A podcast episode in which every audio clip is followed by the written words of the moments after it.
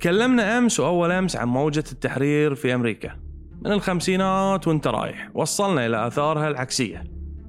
نتائج موجة تحرير المرأة في الستينات خلى النساء المحافظات يطلعون أكثر للواجهة.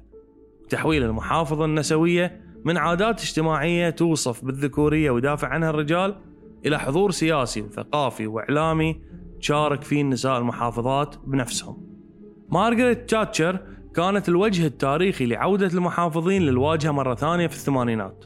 وبسببها يمكن صار التغيير مرة ثانية وكان لحضور النساء المحافظات أثر كبير في المجتمع الأمريكي. فحضورهم في الجامعات مستشفيات الصحف وخطاباتهم المحافظة القوية والواضحة ملأت التلفزيونات. بس لا ننسى في النهاية لازم نسجل شكر لموجة التحرير اللي كانوا هم السبب في تحرك النساء المحافظات بهالقوة. ودرس لازم نتعلمه من هالتجربة. إن قيمة أي حراك اجتماعي لازم يتحلى بالنبل الأخلاقي وخاصة في مواضيع المرأة وتمكينها وتحررها عن طريق توسيع خياراتهم وزيادة مكاسبهم الاجتماعية والثقافية والسياسية والاقتصادية. مو من خلال ترويج خطاب لإهانتهم وتحقير خياراتهم المخالفة للتحرر. لازم يكون خيار المرأة المحافظة خيار حقيقي قادرة المرأة أنها تختار بكامل حريتها وقرارها من دون ما تكون بين المطرقة والسندان.